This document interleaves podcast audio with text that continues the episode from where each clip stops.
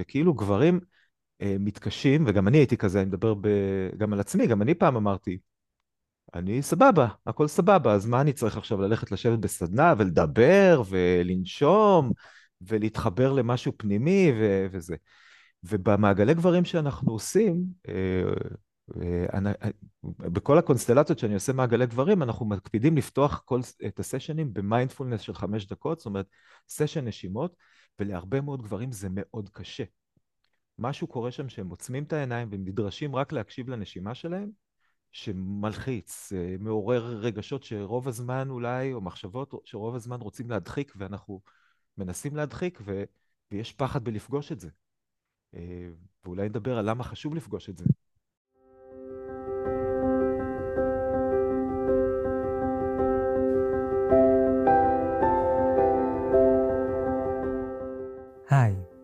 אני ניר קראוזה, ואתם איתי בפודקאסט כל המיינדפולנס. שבו אנחנו מפרקים את הסטרס לחתיכות וממלאים את המרחב בשלווה, שיח מדעי ואורחים מרתקים. הישארו, יהיה מרגיע.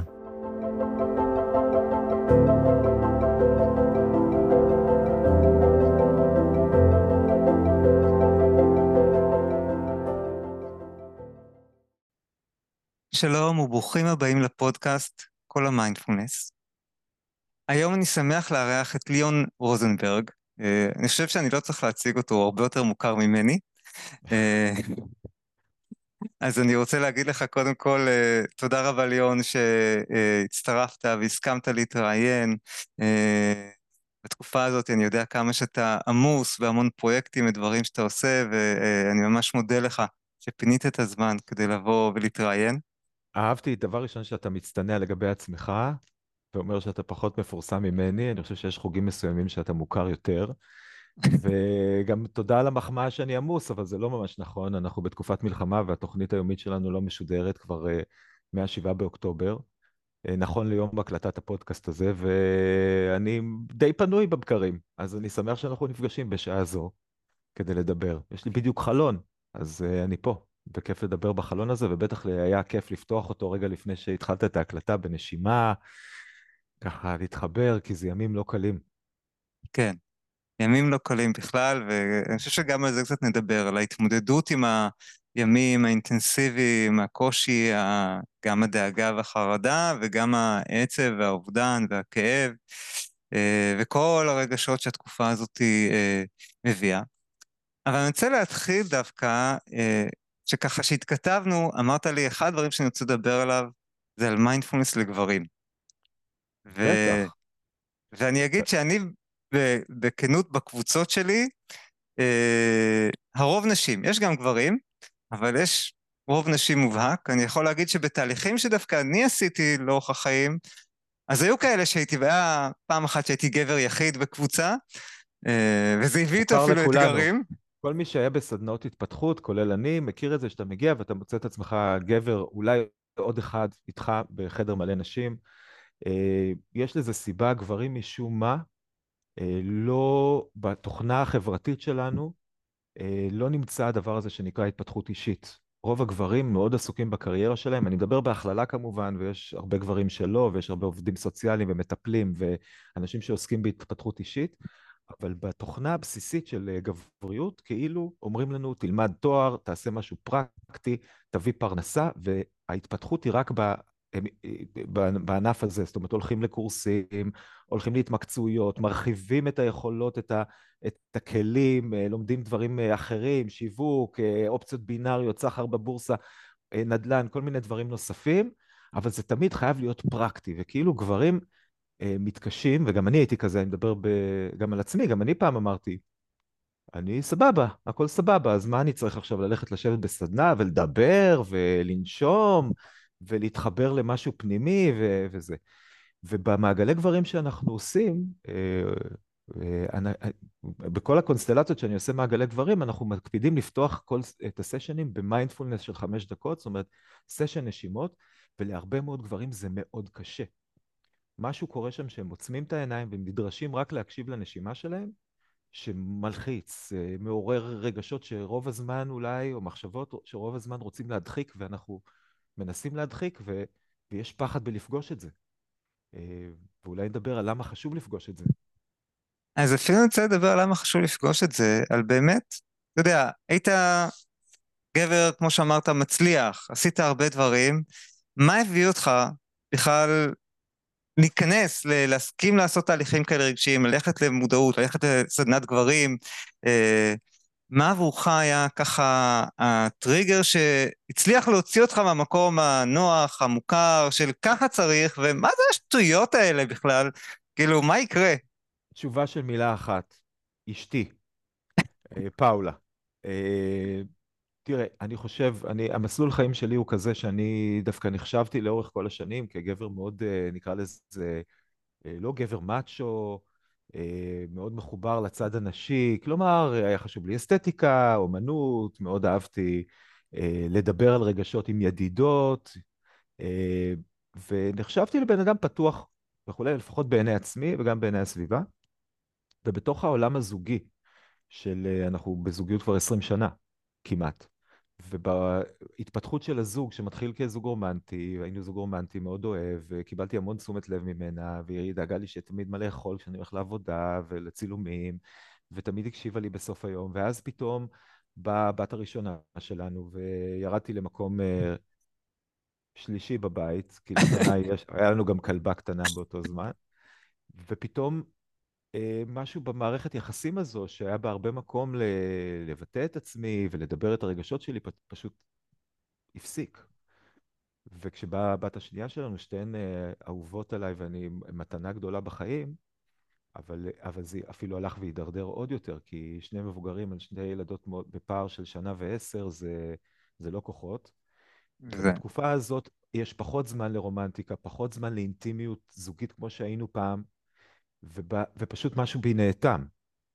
ולא היה לי את המסגרת האלטרנטיבית לדבר את מה שאני מרגיש, את התסכול מזה שאני מתרוצץ לסופר פארם בין, uh, ומחפש בקבוק, או מוצץ, או מטליות לחות, uh, סוחב דברים מהבגאז', תביא את העגלה, תביא את, ה, את הבוסטר, תביא את הזה. כאילו, פתאום משהו שמרגיש נורא לבד, ולא היה לי אלטרנטיבה. אני חושב שהרבה גברים יזדהו עם זה, שהנשים שלנו הן החברות הכי טובות שלנו, ולפחות פאולה הייתה החברה הכי טובה שלי, חברת הנפש שלי, והחברים האחרים, כן, כיף להיות איתם, כיף uh, לשתות בירה, כיף uh, לעשן איזה שחטה, כיף לראות ליגת האלופות, כיף uh, uh, לשחק פלייסטיישן, פוקר, uh, או לעשות, לא יודע מה, איזה הליכה בפארק, או ריצה, אבל אין שיחה ברמה הזאת של לספר מה קרה לי בעבודה, במקום בטוח, או מה קרה לי בבית.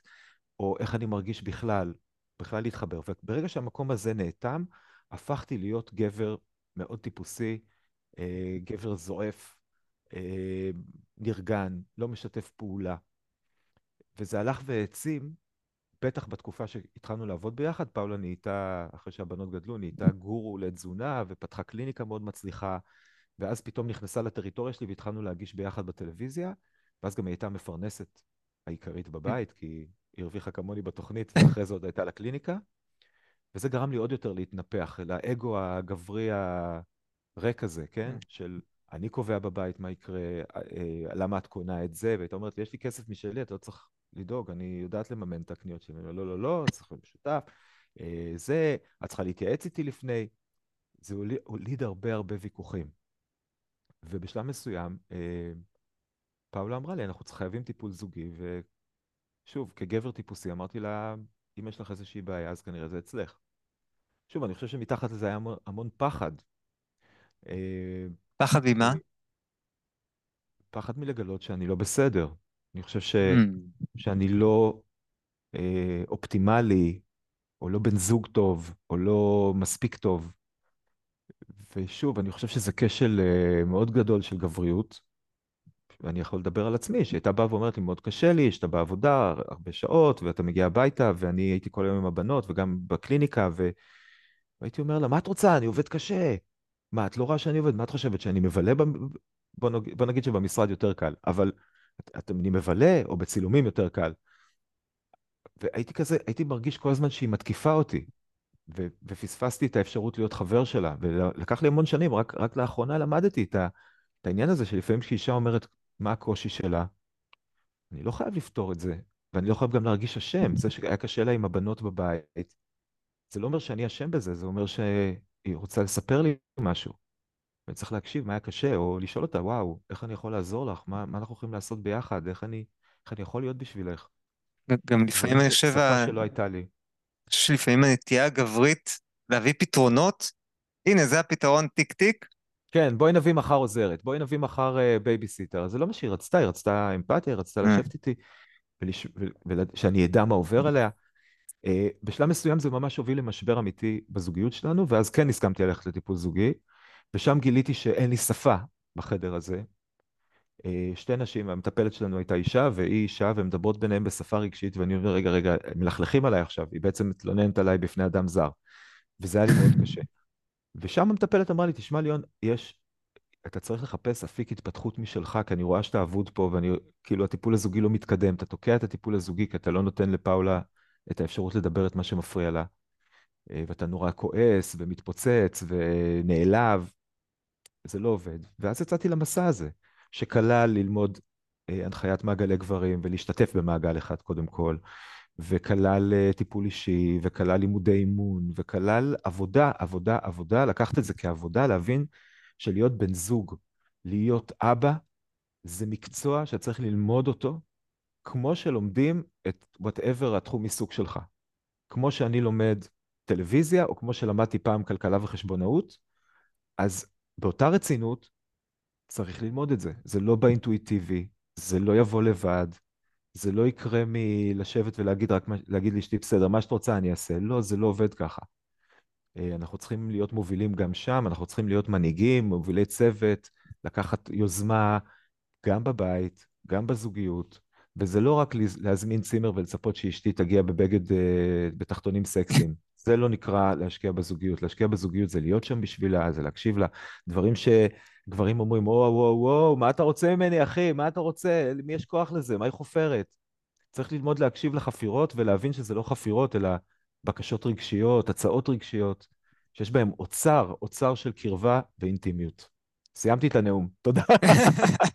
זה היה ארוך, אבל אני מקווה שזה נגע במישהו, כי אני חושב שהרבה גברים תקועים בזה. אני עושה הרצאות על גבריות, שמדברות על למה לגברים כדאי להתפתח, למה לגברים כדאי ללמוד. ונחש מה, בהרצאות שלי שמזמינים גופים כאלה ואחרים, יש מגיעות הנשים. אחוז נשים.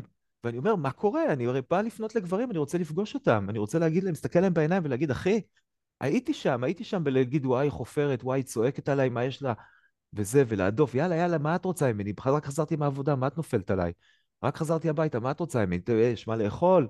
מה קורה פה? למה הבית לא מסודר? מה את עשית כל היום? כאילו, נורא, לא להגיד. אה, זה, זה פשוט, צריך לצאת מזה, ואנחנו חייבים ללמוד איך לצאת מזה. ומיינדפולנס, אגב, זה כלי אדיר וחשוב בדרך לשם. ואתה יודע יותר טוב ממני למה. אבל אם אתה רוצה, אני גם אסביר איך זה פוגש את גבריות. אמ, אני חושב שמיינדפולנס הוא כלי אדיר. אני גם חושב שאני מסתכל מסביב, כן יש הרבה גברים שלפעמים המיינדפלנס הוא, הוא דרך שיותר קלה להם.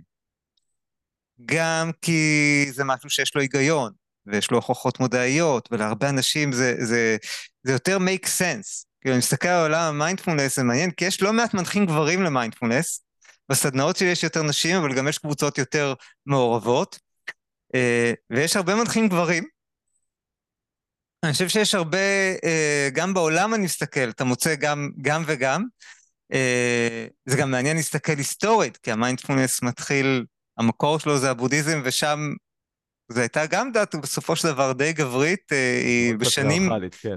מאוד פטריארכלית, בשנים האחרונות היא נפתחה גם, אני חושב, יותר עולם לאנשי, המפגש עם המערב פתח אותה. והמיינדפלנס איתך, מלמד, אני מסכים איתך שהמיינדפולנס הוא באמת, בגלל שהוא כלי מוכח מדעית, והוא באמת, אה, כבר יש לו הוכחות שהוא משפיע על, אה, אפילו על, על מחלות לב, זרימת הדם, וממש על תופעות פיזיות, אה, עדיין, כשאנחנו מגיעים למפגש אה, שתיים של המעגל, כי בראשון אנחנו לא מעזים לעשות מיינדפולנס, כי זה ישר נתפס כפרדס חנה, שרוואלים, רוחניות, הודו, לא מתאים לי. מה, עזוב אותי, מה אני בעיניים עצומות עכשיו יושב ונושם? מה, מה קורה? עולה עצבים. אז אנחנו מחכים למפגש שני בשביל לעשות את המיינדפולנס הראשון, וממש אנשים, אתה רואה אנשים עם רגליים קופצות, עם אה, אני לא מבין מה קורה פה, אנשים שמפתחים איזה אנטגוניזם. לוקח זמן עד שהם מבינים כמה כוח יש למיינדפולנס הזה, שאני חושב שהמשפט שהכי הכי עוזר לי, נגיד, להסביר לגברים למה כדאי, אני אומר להם, זה חדר כושר למוח במובן הזה של להיות פחות אימפולסיבי. כי אני חושב שאחת הבעיות של גברים, שוב, גם שלי, זה לעבור מ-0 ל-100. הרגע הזה שאתה חוזר הביתה, אני חוזר הביתה, ומשהו לא מסתדר לי בעין, והבנות יושבות בטלפון בסלון ואפילו לא אומרות לי שלום, ואני רואה את הנעליים שלהם זרוקות בכניסה, ואת התיק מבית ספר עם השאריות סנדוויץ' כזה פתוח. והדבר הראשון שבא לי לעשות זה להגיד להם, הופה, אל, הלו, הלו, מה קורה פה? זה הדרך, כן? נכנסתי mm. הביתה, כל להגיד, היי, בנות יפות שלי, משוש חיי, הדבר. שבשבילו אני, כל מאמציי, מאמציי בחיים מרוכזים בזה, בלעשות להם טוב, שיהיה להם את העתיד אה, שמגיע אה, להם. בסוף אני האבא שכועס, והאבא שזועם, ואבא שמאבד את זה בעשר בלילה, ותעזבו אותי, וזה. ו... אנחנו שוכחים את האהבה. בדיוק. שוכחים את האהבה. ממש חדר כושר ללהיות פחות תגובתי, ללהיות פחות אה, מהאפס למאה, שאני יכול קצת לרכך את עצמי, שאני יכול לקחת פסק זמן, שאני יכול לנשום ולהרגיע, לא להדחיק, להרגיע. אז אה, זה נורא חשוב, ועדיין אנשים מתקשים עם זה. כן, כן, אני חושב שהדבר הראשון, אחד הדברים שאני מדגיש כל הזמן, זה על לעצור ולנשום. לעצור את הטייס האוטומטי. יש לנו כל כך הרבה נטייה לתגובתיות אוטומטית. לעצור, לקחת נשימה אפילו אחת עמוקה, זה כבר מייצר איזשהו מרווח שמאפשר לי לבחור. מול הנטייה להגיב אוטומטית, לעצור, לנשום, מאפשר לי מרווח לבחור, לפעול שוב בהתאם לערכים שלי, למה שבאמת חשוב לי, לאהבה, כן, ולא התגובה האוטומטית הזאת, תסדרו, למה אתם ככה, אה, אה, למה לא אה, סידרת אחרייך, וכל התגובות האוטומטיות האלה שעולות לנו, אה, נו, ת, תעשה כבר. וזה, וזה לא קל, כן? כולנו נופלים. גם אני, יש לי את ה... עם הילדים, עם אשתי, יש את הרגעים שאנחנו נופלים לתגובות האוטומטיות. אני חושב שהיכולת לעצור ולנשום מאפשרת להוריד קצת את המינון ולפגוש את עצמי. לפגוש את עצמי ואת מה שאני מרגיש ואת מה ש, שקורה לי, אה, ולפעמים גם איזשהו רגש יותר עמוק, כי לפעמים יש כעס ברמה העליונה, אבל שאני אשאר עוד קצת, אני אוכל לזהות, אולי בכלל יש לי פה כאב, תסכול, אה, יש משהו שאני עצוב עליו, אולי אני בכלל הגעתי במתח מהעבודה או ממקום אחר, מישהו אמר לי משהו בדרך, ואני... נהג חתך אותי בכביש, ואני כאילו כועס כי לא הגבתי כמו שצריך, ואז אני מגיע הביתה ונקרא לפרוק את העצבים. אני חושב שאתה מאוד מאוד צודק, אני אגיד, אה, אתה יודע, אני, אני מבין את האג'נדה ואני רואה, ב, אני רואה את הכותרת שלך פה בזום, שאתה מיינדפולנס, אימון אישי ומדיטציה. המיינדפולנס הוא אחד הכלים, הוא כלי מאוד מאוד חשוב, אבל אה, אחרי שאנחנו לומדים לנשום ולהתחבר, אה, לתוך איזה רוגע פנימי ולראות שהכעס הוא לא אני, אלא אני יכול להתבונן בכעס, הוא רק מחשבה או רק רגש, אז, אז אחרי שלומדים את זה, אנחנו צריכים, גם צריכים ללמוד מה כן, ואיך כן מקשיבים מתוך מיינדפולנס, נגיד, להקשיב לבת הזוג שלי מתוך מיינדפולנס, ולא להגיב מיד. גם אם היא מספרת לי על משהו שהוא נורא טעון, למשל, על שיחה שהייתה לה עם אימא שלי, ואני מרגיש אממ. שבשיחה הזאת, היא מספרת משהו שהוא, בוא נגיד, לא הכי מחמיא לאימא שלי, בלשון המעטה, ואז כאילו אני... יש שם איזו התנגשות פנימית, כי אני, אני רוצה להגן על אימא שלי, או להגיד לה, רגע, רגע, אבל אישה מבוגרת, ותעזבי אותה, וזה, ומה, וזה, אז מה היא אמרה? אבל להקשיב מתוך מיינדפולנס, להגיד, אוקיי, בואי רגע, עכשיו אני איתך, אני מקשיב לך, אחרי זה ניתן לה, למה שקורה לי, נוריד את זה קצת, פשוט ננמיך את זה קצת, כדי שאני אוכל לשמוע, כמו חומה כזאת. הרגשות האלה הרבה פעמים עולים כמו חומה שמסתירה mm. לי את הצד השני, ואני צריך ללמוד לטפס מעל החומה ולהביט לצד שלה, ו- וזה נגיד סוג של כלים שחייבים, חייבים ללמוד אותם, ואני חושב שמיינדפולנס הוא חלק מאוד מאוד חשוב כסוג של שער לתוך עולם שבו אני יכול לבחור באמת את ה... איך אני מתייחס לרגשות שלי ואיך אני מטפל במחשבות שלי ומנהל אותן ולא מנוהל על ידן. ואחר כך מגיע האימון האישי, שהוא מאוד חשוב, לתת מקום.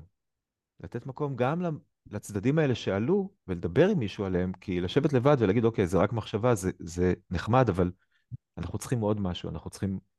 נפש צריכה לפגוש נפש אחרת כדי לראות את עצמה. זה...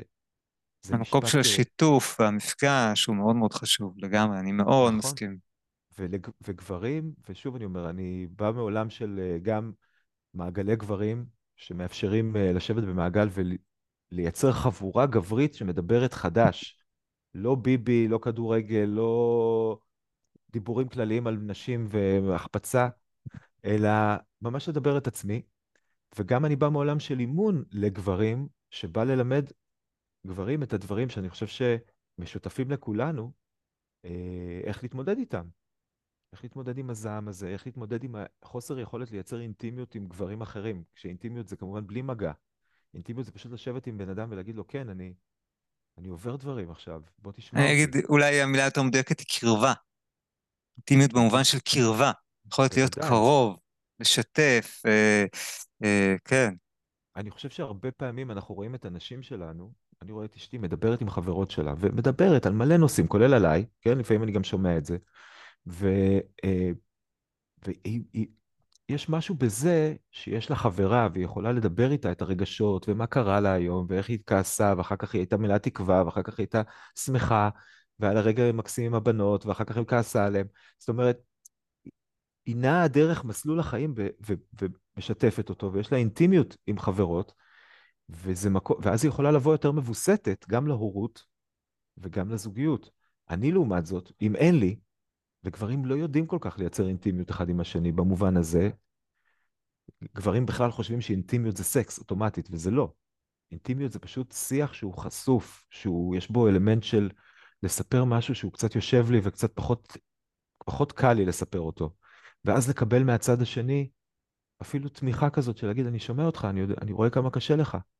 ודווקא התרגול הזה בתוך, עם גברים אחרים, עם מאמן גבר או עם מעגל גברים, הוא הזדמנות מעולה לשכלל את הכלים שלי ולהגיע לתוך קשר, או לתוך הקשר עם הילדים שלי, או, או לזוגיות שלי, יותר בטוב, יותר במסוגלות להכלה, להקשבה. הדברים האלה של הרבה גברים נשמעים כמו, אני לא יודע מה זה. כן? לסיינפלד יש, יש, אה, בדיוק ראיתי איזה סרטון של סיינפלד שרץ, שהוא אומר, אה, גברים רוצים שהנשים שלהם יהיו מרוצות.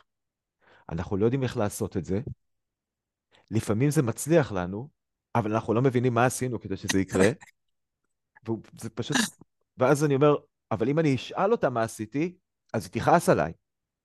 כי זה לא יהיה, כי אז זה לא מה שהיא לא יהיה אותנטי. כן. וזה כאילו המלכוד הגברי הזה, ואני אומר, יש משהו ללמוד בין גברים באימון, עם, באמצעות מיינדפולנס וכלים אחרים, שיכולים לעזור. אני מסכים. אני מדבר הרבה מדי? תכתבו בתגובות אם אני מדבר הרבה מדי, כי אני כאילו נורא נלהב לדבר על זה. לא, זה הזמן לדבר. ליאון, זה המקום והמרחב שיש לנו את הזמן ואת המרחב כדי לדבר, באמת, אה, ואני באמת חותם על כל מילה. יש, יש שני דברים ככה שעלו לי. אחד, שמדברים על סטרס, אז בעצם שני הכלים המרכזיים שהוכחו בהרבה מחקרים להפגת סטרס, הראשון זה מיינדפולנס וכל המשפחה של הכלים של המיינדפולנס, והשני זה שיתוף. נכון. כשאנחנו משתפים שיתוף אבל כמובן במרחב אמפתי, לא שיתוף במרחב ביקורתי. אבל נכון, כשאני משתף מישהו במרחב אמפתי, זה ממש יש מחקרים שמראים איך זה אה, מפוגג את הסטרס, משפיע על הגוף להוריד את הסטרס, אה, כמובן גם יש איזה, זה גם משפיע על היכולת שלנו להתנהל עם זה קדימה ולחשוב לפעמים אחרת על הסיטואציה. לי, לי יש חבר שהוא אה, באיזשהו מובן ה... ה... הדמות ש... איך לומר, שלפעמים אני מרגיש שהוא, שהוא זה שמכיל אותי ומביא לי פרספקטיבה מאוזנת לפעמים. זאת גם בתוך ה... אפילו החודשים האחרונים, או כל מיני דרמות אפילו שלי פנימיות, הרבה פעמים היו לי שיחות איתו שאני עד היום זוכר אותן, אה, במובן של כמה, אה, של יצאתי ממנו, אה, יש מובן מאוזן אחרת, עם, עם עכשיו מחשבה קו מחשבה אחר. אה, וזה חבר טוב שלי מכיתה אה, ח' או ט', אה, ובאמת החבר הכי טוב שלי, ו... ויש לנו הרבה שיחות כאלה, ואיתו באמת אני, אני, איתו אני מרגיש הרבה קרבה, הרבה שאני יכול, יש מקום להכל.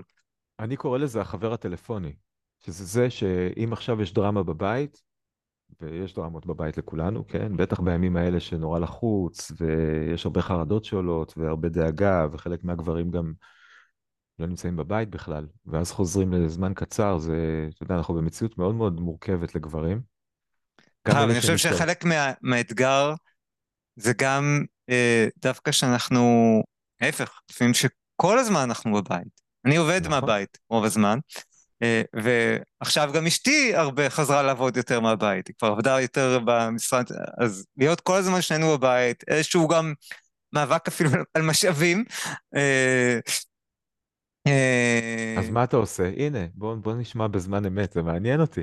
אתה כאילו מאסטר למיינדפולנס, והרבה אנשים נושאים עיניים אליך, בטח פה עכשיו בקהילה ש... שלך שאנחנו משדרים אליה, ומעניין אותי לדעת, מה אתה עושה?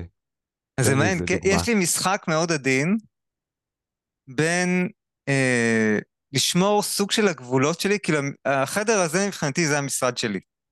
שזה גם קצת עניין של תפיסה, כן? הוא מקובל אבל- על כולם, הרעיון, שזה החבר'ה אה, שלך? די מקובל, די מקובל. זאת אומרת, התפיסה היא ש, אה, שזה המחשב שלי פה, יש לי, כאילו, וגם לי משמעותית פחות נוח לעבוד במקום השני. ו, אה, ויש לנו פינה במטבח, עם, גם עם מסך נוסף גדול, אה, אבל לי משמעותית פחות נוח לעבוד שם, ודי מקובל זה שרוב הזמן אני עובד פה, אבל נגיד יש מצבים שאני כן, אה, שאשתי צריכה או מאיזושהי סיבה, אז אני כן אגיד לה להתחלף, זה מעניין כי זה תמיד עושה לי איזה קווץ' קטן. כאילו, ואני צריך לנשום אליו ולהתחבר לנדיבות. כי אני חושב שאחד הכוחות שעבורי מאוד אה, חזקים, זה, זה הנדיבות והרצון לעזור, והרצון שיהיה לה טוב, אה, והרצון להקל. אבל זה לא תמיד מצליח, אה? לא, לא, גם לא, שום גם- דבר לא תמיד. קודם כל, גם למאסטרים כמוך זה לא תמיד מצליח, ואני חושב שזה נגיד מסר נורא נורא חשוב, גם לי זה לא תמיד מצליח. כן, אני יכול להגיד ששנייה לפני שהתחלנו פה את הזום הזה, וקבענו שעה, ואז אשתי מתקשרת ואומרת, תקשיב, אתה חייב עכשיו לעשות משהו. ואני אומר לה, אבל את יודעת שיש לי זום בעוד שלוש דקות, אז... אה, אז... לא, אבל אתה חייב לעשות את זה עכשיו. והיא היא הוסיפה את המשפט המקסים, אתה תצטרך להתמודד עם זה שזה פחות נוח לך כרגע. אוקיי? שזה רגע שבו זה כזה מין... כאילו, את אומרת בעצם שאני עובד רק עם נוחות, כאילו, ישר זה מיד יכול להתפרש כ... את אומרת בעצם שאני כל הזמן נוח, עושה מה שנוח לי, ושאני בעצם, את לא רואה את זה, אני כבר, מה, כל הבוקר אני עסוק ב- בדברים, כי אנחנו עוברים דירה וזה מורכב, אז, אז את, את לא רואה שאני עושה מלא דברים, זה כאילו, האוטומט היה עולה מיד, והייתי אומר לה, לא, לא, לא, אני נכנס לזום ותסתדרי, כן? זה רגע כזה, שאני ממש, כאילו, תקרא לזה מיינדפולנס, או תקרא לזה הת... אימון, Mm, התאמנתי הרבה זמן בלהגיד לה, אוקיי, אני שומע שזה חשוב לך, אני אבקש מניר סבל... בסבלנות לחכות עשר דקות, ואז נתחיל את הזום. וכך היה. ועשיתי את מה שצריך, ושלחתי לה את התשובה, ואמרתי, עכשיו אני נכנס לזום, אני אטפל בכל ה- מה שצריך בעוד שעה. ואתה יודע, זה רגע שיכול היה בשנייה להפוך להיות, עכשיו אנחנו לא מדברים אה, שלוש שעות בכעס, והיא כועסת עליי ואני כועס עליה, וכאילו סייקל כזה של כעס, מי אשם או מי פגע יותר Mm. בשני. וזה נמנע, זה פשוט נמנע. וזה באמת לא תמיד מצליח לי. הפעם הצלחתי. קודם כל אני רוצה להגיד, שום דבר לא תמיד מצליח. אה, יש לנו את ה... וגם אני לפעמים אפילו חוטא בזה קצת, כן? מתוך הרצון לקדם ו- ולעזור לאנשים, אז אנחנו אה, מראים כמה החיים יכולים להיות יותר נפלאים, אבל כל אחד, אנחנו כולנו בני אדם, וכל בני אדם אנחנו לפעמים נופלים, לפעמים לא מודעים, לפעמים פועלים באוטומט. אה, יש ספר שאני מאוד אוהב, אה, יותר נכון שם של ספר שאני מאוד אוהב, אה, אה, 10% happier, עשרה כן. אחוז אה, מאושר יותר, של, אה, אה, ברח לי השם שלו עכשיו, אה, אה, אולי, אתה רוצה שאני אחפש מהר בגוגל? לא משנה, שהוא דרך אגב גם מישהו שהוא מהטלוויזיה, מישהו שהוא אה, היה שדרן והתעלף באמצע תוכנית טלוויזיה כתוצאה מסטרס מתמשך. ואז הבין שהוא חייב לעשות שינוי, והתחיל ללמוד מיינדפולנס, אבל הוא אומר, המטרה שלנו זה לא להגיע לאושר המוחלט, כל הזמן יהיה בבליס, אלא להיות עשרה אחוז מאושרים יותר, אבל כמה זה נכון, משמעותי. שנהיה עשרה אחוז מאושרים יותר בשנה הקרובה. אתה יודע מה, בשנה הקרובה, לפי דעתי, גם אם נצליח לשמור על רמת עושר סבירה, אה, זה, זה, זה כבר אה, הישג מטורף של אני- חוסן. אז או, אני- או אז בוא לא על ליפול ל- לחרדה ודיכאון אה, בשנה הזאת, שעם כל האתגרים זה, זה כבר good enough. אז ניר, הייתי רוצה, אני, אני יכול לשאול אותך שאלה אישית, מה שנקרא, לעצמי, כאילו, אני אשמח שתעזור לי. כן.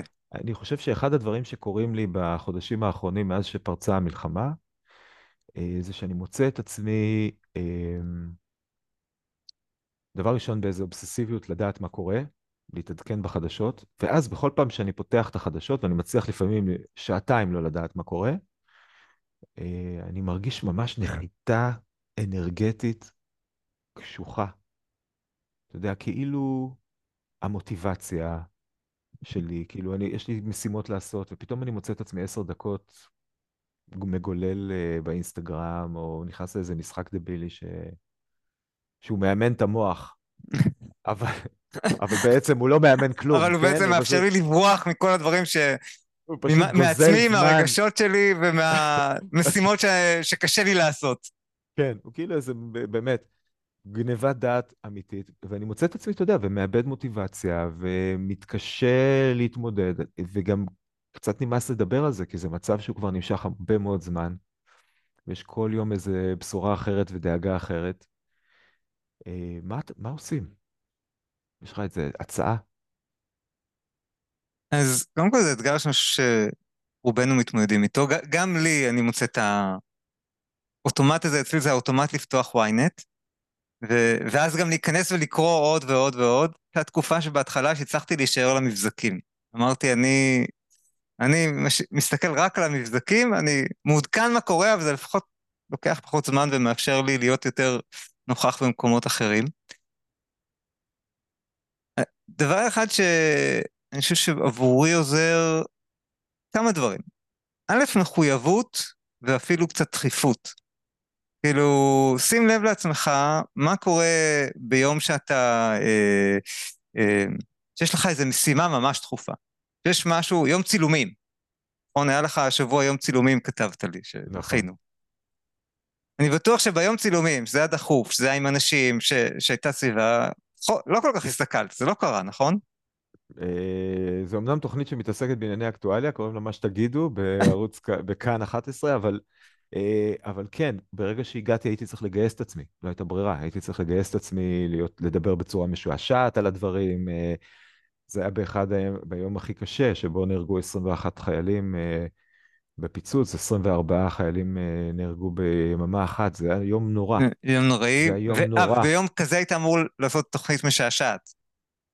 כן, או שזה... ברור, כן, כשלא יודעים אם משדרים או לא, ומה יהיה מצב הרוח הלאומי, ובכלל, כאילו, איך מתייחסים ביום כזה למשהו, זה הקלטה מראש, אבל אני אומר, באמת, למרות שזה היה היום הכי קשה מבחינתי, כולל מישהי שאני מכיר שאיבדה קרוב משפחה,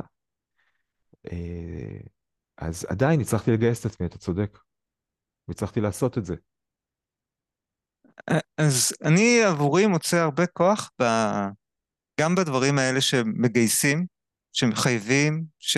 אה, שהם גם משמעותיים בעיניי, של, של גם עשייה שהיא משמעותית, אה, ואז אני מתגייס. אה, אני לפעמים אומר שאני, יש לי את המועדון מיינדפולנס, שבו זה כמו קאנטרי קלאב שלם בזום של פעילויות, של גם כבר מורים אורחים, אבל גם לי יש כמעט כל יום יש לי בין פעילות אחת לשלוש. לפעמים אני אומר, אני עושה את זה גם עבור המשתתפים ועבור הקהל שלי, אבל האמת שגם עבור עצמי. כי כשאני יודע שביום שני בשלוש וחצי אני אעביר מדיטציית צהריים, אז אני עושה מדיטציית צהריים. ויש סיכוי שאם לא היה את זה בלוז, אז הייתי עושה בזמן הזה אה, ynet צהריים, או במקרה הטוב הייתי עושה משהו שבאמת חשוב לי, אבל יש סיכוי שהזמן הזה היה בסוף מתבזבז על ynet. אז, אז דבר אחד זה באמת, אני חושב שכן המחויבות, אה, כן קצת לשים לי גבולות, ואני כן מאמין גם בדברים החיצוניים, זאת אומרת, לפעמים לשים אפליקציה, או להוריד אפליקציה מהטלפון, אם יש אפליקציה שאני יודע, או אפילו רק שהיא לא תהיה בלחיצה אחת, כל הדברים האלה שנראים נורא טכניים. אה, וואו, אתה שם את זה בתוך תיקייה במשרד? נשים בתוך תיקייה, הפייסבוק שיהיה לך בתוך תיקייה, ו- וכבר זה מרחיק אותך קצת, אה, שזה לא יהיה בלחיצה אחת. זה כבר יוצר איזשהו מרווח שמאפשר לך לעצור, לנשום ולבחור, רגע, אני באמת רוצה עכשיו להיכנס לזה או לא, אוקיי? אנחנו בעולם כל כך נגיש, ולפעמים להרחיק את הנגישות מול מה שאני יודע ברציו שלי, ש, ש, שיהיה לי טוב שהוא יהיה פחות נגיש, וברגע האמת, אוקיי, אני לא אוכל להתגבר על הדחף. הדחף לפעמים הוא חזק, אנחנו, זה התמכרות הרי. מה שאנחנו מדברים עליו זה התמכרות קודם כל. לא התמכרות אה, לסיגריות, יש התמכרות לסיגריות ויש התמכרות לחדשות. בוא, בוא כן, נהיה כנים. אני אגיד לך שאני חושב שהתמכרות לחדשות, אה, ברור שזה, יש בה, יש בה אלמנט התמכרותי, כי, כי זה כל, הצריכה היא מאוד גבוהה. אבל מצד שני זה גם עניין הישרדותי, אני רוצה לדעת מה קורה, כי אני צריך לשמור על המשפחה שלי. ואם יש, אה, לא יודע מה, סכנה באזור הבית שלי, אני רוצה לדעת את זה. או אם יש, לא יודע מה, מלחמה שתיפתח עם הצפון, אז אני רוצה לדעת אם זה קורה, כי צריך להיכנס לממ"ד וצריך שהילדות יהיו בבית ו...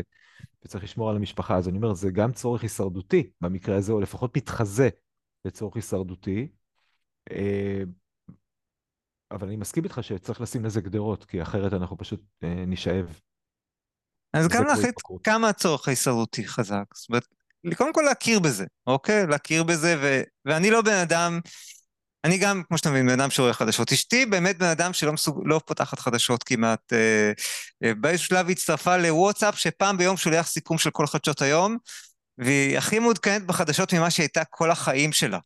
אה, היה איזה סיפור, אשתי באמת, אין לה עניין בזה ו... ומסוגלת לא לפתוח חדשות, אבל אני איכשהו בן אדם שכן חשוב לי להיות בחדשות, אז אני לא יכול להטיף, אל תפתחו חדשות בכלל. אבל אני חושב שכן, לשמור על איזון, כן לשמור, לצרוך את זה, כמו שאמרתי, אז אני צורך מבזקים, לתקופה שהצלחתי להיות אני במבזקים ולא נכנס לכל הכתבות. אז כן, אני מעודכן על הנתונים של מה שקורה, אם יש משהו, ו- וגם, אני צריך לדעת, אבל כל חצי שעה, כל שעה, כל עשר דקות, הרי אין לזה סוף. כל אה, הזמן. כל הזמן, אין לזה סוף ל- להיות מעודכן. אה, אז במובן הזה של כאילו, אתה יודע, ובסוף כשמשהו באמת קורה, אתה שומע עליו, אתה תהיה אזעקה, יהיה ככה, יהיה ככה, אתה, אתה לא תפספס את זה. כל כך מהר מפספסים דברים גדולים שקורים. אה, בטח, אם יש משהו שבאמת אתה צריך לדעת עליו, אז כבר ידאגו שתדע, נכון? נכון. אני אגיד, תראה, אתה, אתה נותן סיבות... אז אני אומר, זה תמיד מצד אחד להתייחס לרגע הרציונלי, ולהגיע לאיזו הסכמה רציונלית עם עצמי של כמה המינון שלי, ליצור לעצמי סביבה שתומכת בהחלטה שלי. ולפעמים ברגע זה לעצור, לנשום ו- ולהרפות. אחת האיכויות שאנחנו מדברים עליהן במיינדפולנס זה ה-let go, זה הלהרפות. זה ברמת המדיטציה, זה, אתה אומר, אני רוצה לפתוח מחשבות, אבל אם אני אקח את זה רגע למדיטציה, אתה לוקח את האנשים לשבת ולהתרכז בנשימה שלהם, ואז מגיעה מחשבה, ומה חיבה לנו להתעסק במחשבה הזאת? אני צריך אה, לכתוב מחר מאמר על אה, לא יודע מה, ואת כל המחשבות, אה, מתחילות כל המחשבות על מה אני אכתוב שם, או אני צריך לדבר עם מישהו, מה אני אגיד לו, הוא יגיד לי ככה ואני אגיד לו ככה, וטה טה טה טה טה טה טה טה. והמחשבות האלה, אנחנו גם אליהן מכורים בסוף. גם ה... אנחנו קצת מכורים לחשיבה אובססיבית באיזשהו מובן. ופה, שוב, בתוך תרגול המיינדפלנס, אני אומר, יש תרגול מאוד חזק של להיות מודע, הנה, הנה עולה המחשבה שאני בעצם מכור אליה, עכשיו אני בוחר לחזור לנשימה. ואני מתאמן פה ביכולת להרפות ולהניח. אתה יודע, לה... אני, אני אגיד לך שאני חושב, אנחנו שוב, אנחנו מדברים על העולם הזה בהקשר של גברים, ואני חושב שהרבה גברים ברגעים האלה שיש מתח מצטבר או איזשהו רצון לשנות, הם יעשו פעילות אדרנלינית, זאת אומרת, הם יצאו לרוץ. או ילכו למשהו שלא יודע מה, אפילו לראות אה, משחק ספורט מאוד אה, סוער, כן? שהוא מאוד אדרנליני והוא בדיוק ההפך. עכשיו, יש מחקרים שמראים שגברים באמת עסוקים מאוד בפעילויות אדרנליניות. אה, נגיד אפילו להוציא את זה בעצבים על מישהו, לבוא ולהתחיל לכעוס על מישהו ולריב עם מישהו, כן? זה גם כן. מעלה אדרנלין. והמחקרים האלה מראים שזו הסיבה גם שגברים חולים יותר, או שורדים פחות בגילאים יותר מאוחרים, כי הם לא, אה, לא פונים לאפשרות השנייה, שזה האוקסיטוצין, שזה האפשרות לדבר את זה, אה, לשתף את זה וליצור סירקולציה חיובית עם מישהו או מישהי. אה, ו- ואני, שוב אני אומר, אני, אני מסכים איתך שיש משהו חזק במיינדפולנס ובניהול, אבל זה נורא משאיר אותנו בתוך עולם אה, סגור שלי עם עצמי. ואני, בקריאה שלי לגברים, וזו הסיבה שאני מדבר על זה המון, אני קורא לגברים לא להישאר עם זה לבד. לא להישאר לבד עם הפחד, לא להישאר לבד עם זה שאני אולי מרגיש שזה, שזה שאני לא במילואים הופך אותי לפחות גבר. אה, לא לדבר, לא לפחד לדבר על זה שאני לפעמים בסטרס ואני לא יודע מה לעשות או לא מתפקד בעבודה. לא ללכת לבוס ולהגיד את זה אולי, אבל כן למצוא מישהו שלא קשור לעבודה, שאני יכול לדבר איתו, שאני יכול לספר לו מה שעובר עליי, כי לפעמים זה הדבר שמוריד את הסטרס, מפריש במוח את ההורמונים היותר טובים, שהורמונים של שמחה וקרבה ו... ואנרגיות טובות, ו... ו... וצריך להיפתח. צריך להיפתח ולשתף. ולפעמים זה לא כזה פשוט, וצריך ללמוד את זה. וצריך בעיקר להתנסות. לחוות, ש... אני חושב שבדיוק כמו שאתה אומר, בדיוק. המקום של החוויה, יש לי מרחב לשתף בו, בין אם במעגל גברים, בין אם בתהליך אישי, שיש מישהו שאני יכול אה, לשתף אותו, והוא, והוא מצד אחד מקשיב לי בצורה אמפתית, ולפעמים גם עושה לי סדר במחשבות, ועוזר לי להסתכל על דברים אחרת, מסוגל להסתכל קצת מבחוץ, לא ב... ו... וגם הנוכחות עם בן אדם היא משהו שמאזן. אנחנו יודעים שאנחנו מושפיעים ומושפעים. ברור, ו... אני אגיד ונוכח... יותר מזה, לפעמים זה עצם זה שאני צריך להסביר לבן אדם אחר מה קורה לי, והוא אומר, רגע, אבל אני לא מבין.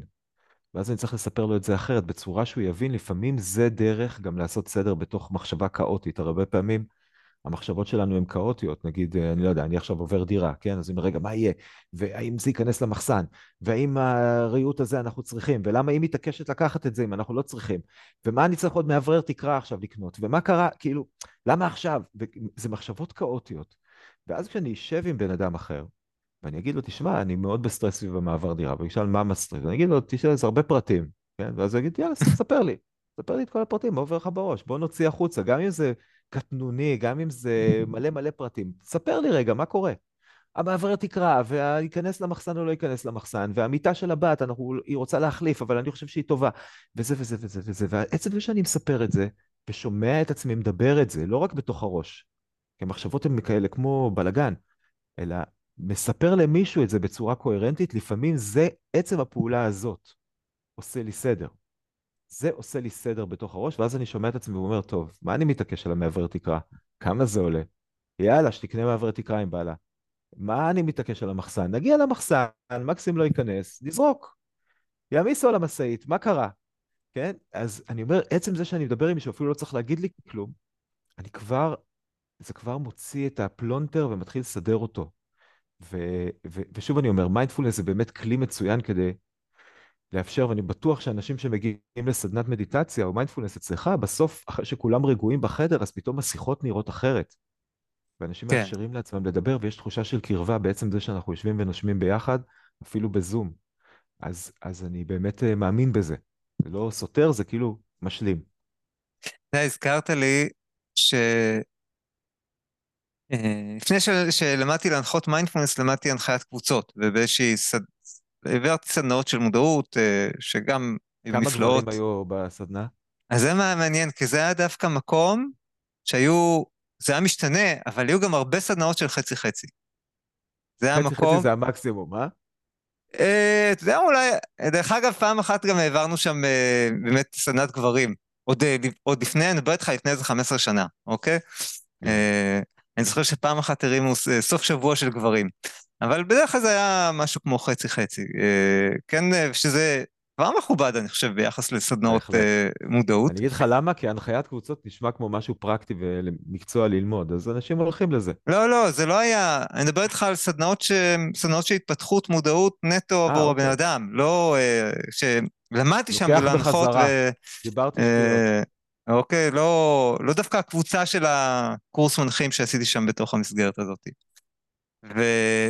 אמ, וכשהייתי צריך למצוא משהו חדש, היה שלב שהיה צריך למצוא משהו חדש, ונתקלתי במיינדפולנס, אה, כבר, כבר העברתי סדנות מדיטציה, כבר, אבל לא העברתי את הקורס מיינדפולנס להפחדת מתחים, ואחד הדברים שאהבתי, שמשך אותי אליו, אמרתי, אה, ah, זה בדיוק החלק של המדיטציה, שהוא איתי בגיל 13, אני בגיל 13 התחלתי באמנות לחימה, ושם למדתי את ה... שם היה חלק של מדיטציה, וזה משך אותי ומשם המשכתי. זה חלק של המדיטציה שכל כך חזק בחיים שלי, אבל גם עם קבוצה ועם עבודה קבוצתית, ולא רק אה, מדיטציה והרצאה כמו שיש בחלק מקומות, אלא גם מדיטציה וגם הרצאה, אבל גם חלק של שיתוף של אנשים, ועבודה עם אנשים על, על ההתבוננות ו, ו, גישה, לפגוש את מה שהם חווים.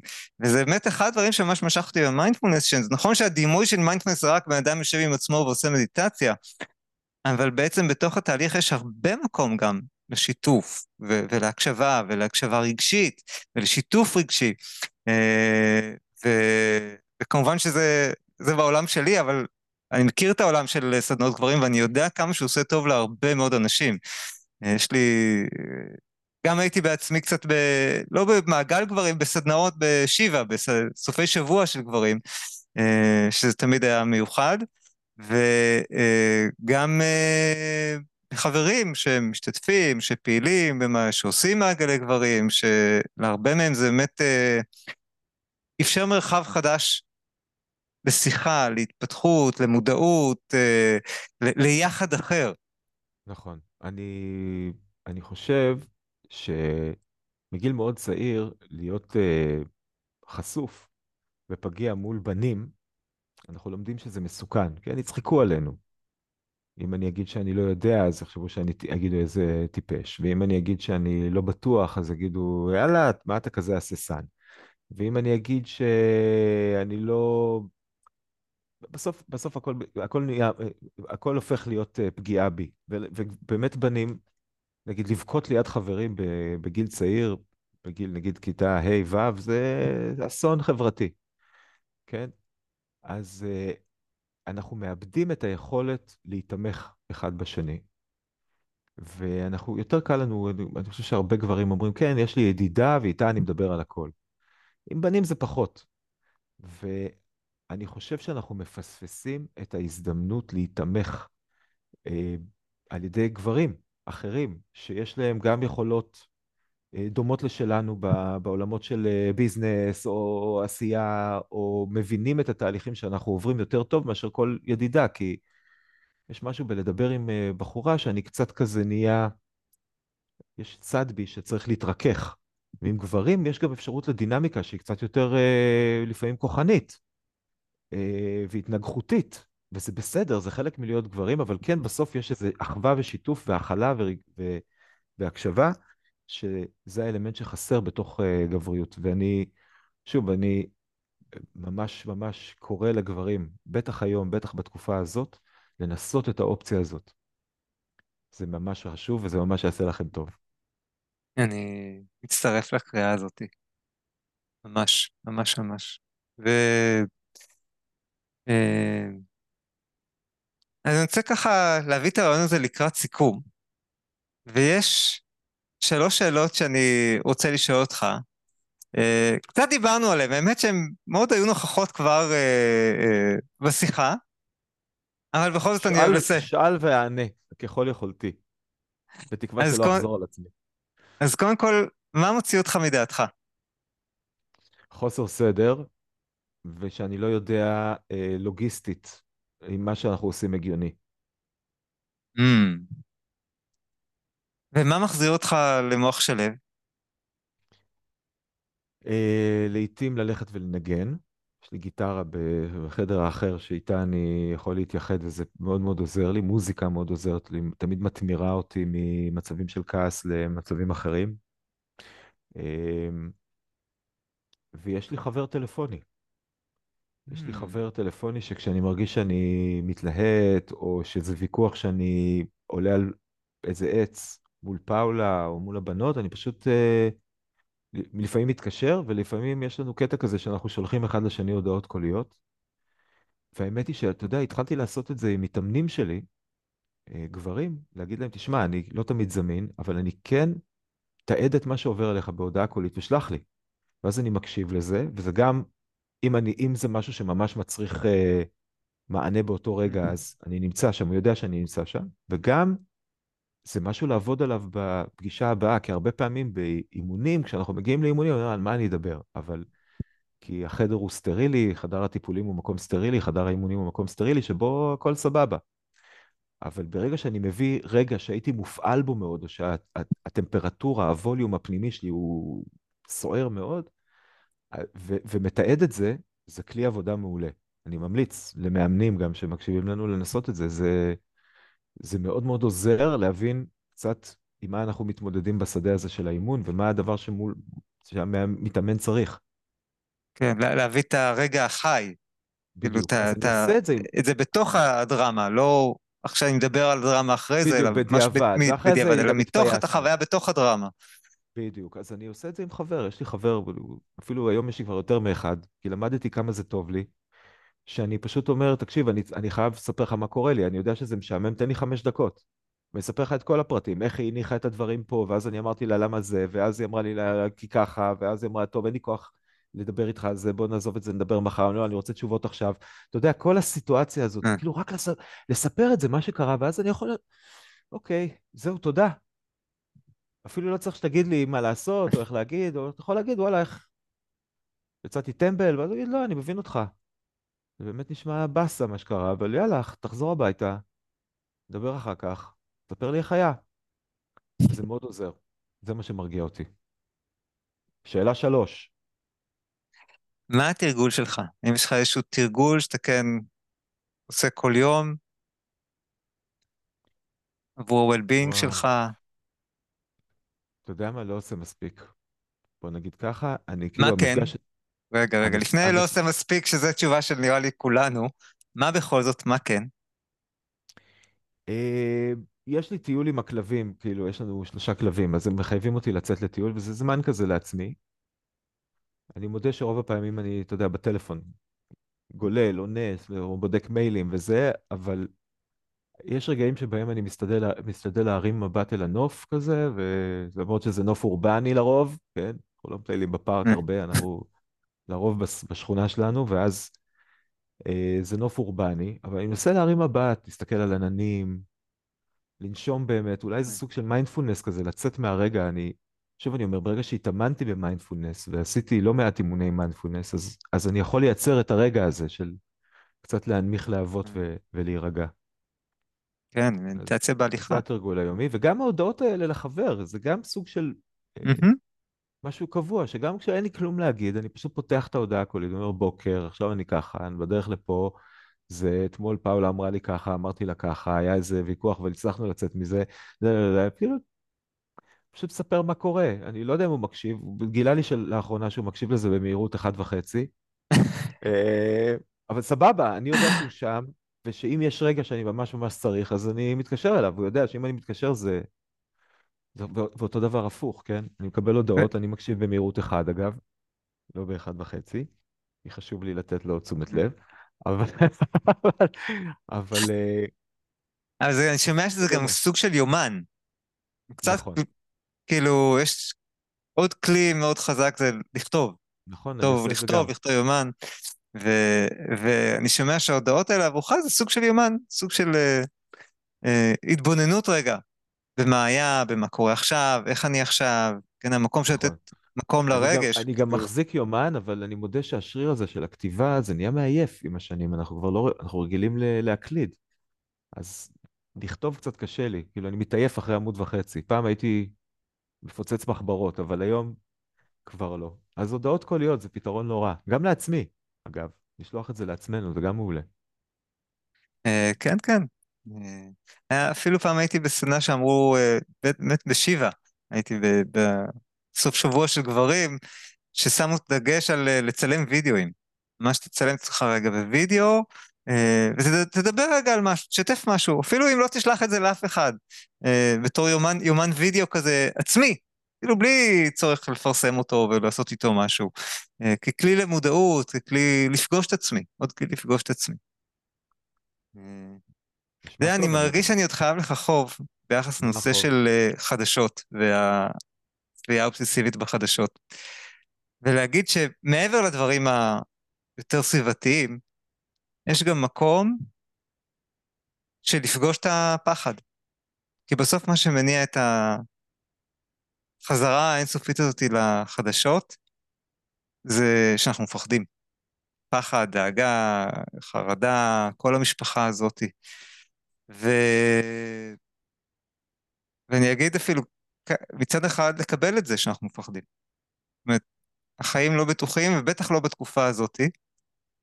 אז ההכרה, רגע, זה שוואלה, אני בתקופה הזאת מודאג, מפחד.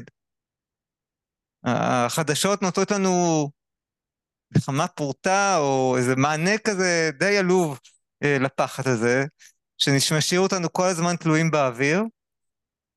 אה, אז רגע להכיר בפחד, להסכים להיות איתו, להסכים להכיל אותו, לנשום אליו. לא סתם אני שם את היד על הלב, דרך כן, אגב. להיות, להיות ברגע הזה, אני מסכים איתך, זה משהו שגם אה, קשה מאוד לא לברוח, ו... וכאילו לעבור דרך, לא לנסות להשקיע כאילו, אנרגיה ולברוח מזה, לפעמים להסכים רגע דרך. לעצור ול, ולהרגיש את הפחד שמניע אותי. כן, זה לא רק על לעצור ולנשום, אלא גם באמת להסכים לפגוש שם את הפחד שמניע אותי לפתוח את החדשות האלה, או את הסקרנות, את מה שקורה לי בגוף, אה, רגע לפני. וגם מאוד חשוב להיות נוכח מה שאמרת ברגע אחרי. כי לפעמים כשאני נוכח מה זה עושה לי, זה גם סוג של מוטיבציה של, רגע, אני יותר מספיק אוהב את עצמי כדי לא להביא את עצמי לדאון הזה, אוקיי? ולתת לזה, לתת לי כוח כדי אה, אה, לא שוב ושוב לעשות את זה. אולי כן, אתה יודע, אולי אני אבחר פעם, פעמיים, שלוש פעמים ביום אני כן מתעדכן, כי, כי זה חשוב לי. כי אני שם את זה כמשהו שהוא, כי אני לא רוצה להיות מנותק, כי, כי אני רוצה לדעת מה קורה. אבל בסוף זה מספיק, אני, אני חושב שזה מספיק. כל אחד יבחר כמה, ש, כמה פעמים שהוא צריך.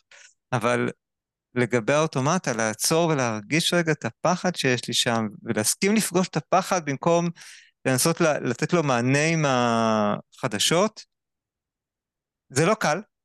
כמו שאמרת על האנשים שעוצרים לחמש דקות, זה, זה לא בטוח שזה אה, האימון למתחילים.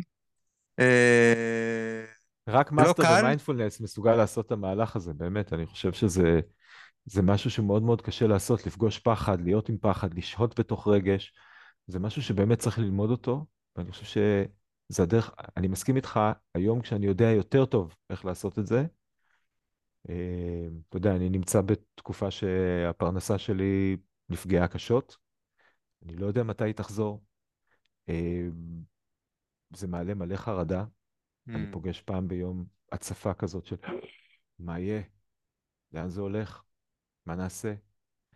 אה, ואני אני לומד, לומד להיות בזה ולהגיד, אוקיי, כן, נכון, יש חרדה, מה יהיה, מה נעשה, כרגע הכל טוב, אבל יש חרדה מהעתיד, אנחנו בחוסר ודאות נוראי, אנחנו לא יודעים מה יקרה עוד חודש פה, איפה נהיה, אה, וזה לא פשוט לשהות בזה, אבל אין ברירה אחרת, כי אי אפשר לברוח מזה גם. איכשהו, אם מדחיקים את זה פנימה, אז uh, מתחיל להתערבל בפנים, וזה עושה כל מיני דברים לא טובים. כן, זה, זה לקבל זה שזה, ח-. זה לקבל שזה גם חלק מהחיים.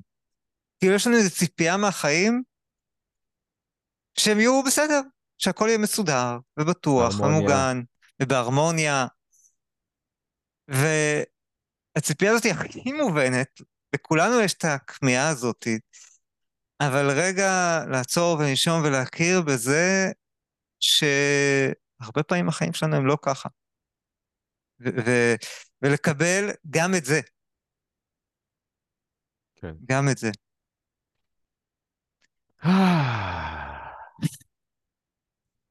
לקחתי.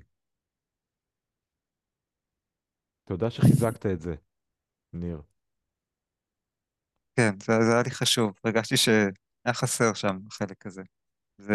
ובסוף הקבלה העמוקה הזאת לזה שלא הכל קורה כמו שאני רוצה בחיים. ויש דברים שלא הולכים, ויש דברים ש... שאני מפשל, יש דברים שהמציאות פוגשת אותי בדרכים בלתי אפשריות.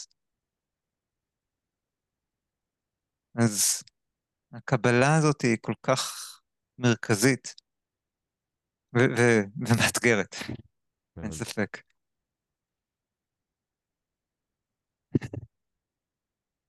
ליאון, תודה רבה על השיחה הזאת.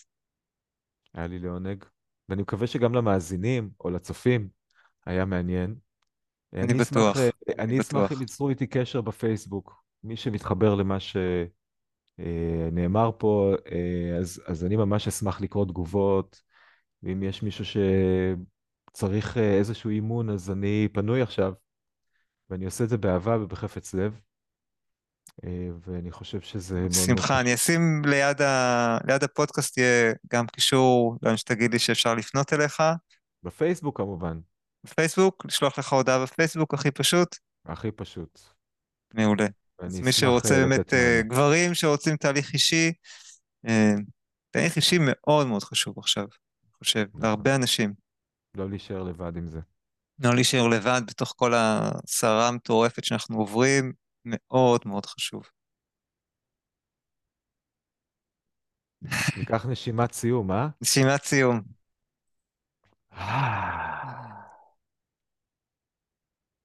אני בהוקרה על זה, שאנחנו יכולים לדבר על זה, ואולי אה, שמהשיחה הזאת יבואו אנשים ויעשו שינוי חיובי בחיים שלהם. אמן, אני אמן. מאחל את זה לכולנו. זו, זו הכוונה שלי בפודקאסט הזה, לעזור לאנשים לעשות אה, שינויים חיוביים בחיים. תודה רבה. תודה לך.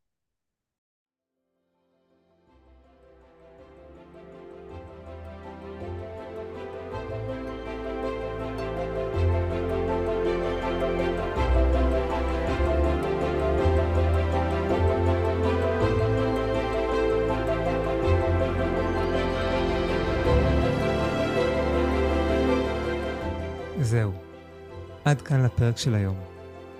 אם אהבתם את הפרק, אל תשכחו לדרג את הפודקאסט באפליקציה או בפלטפורמה שדרכה אתם מקשיבים לנו.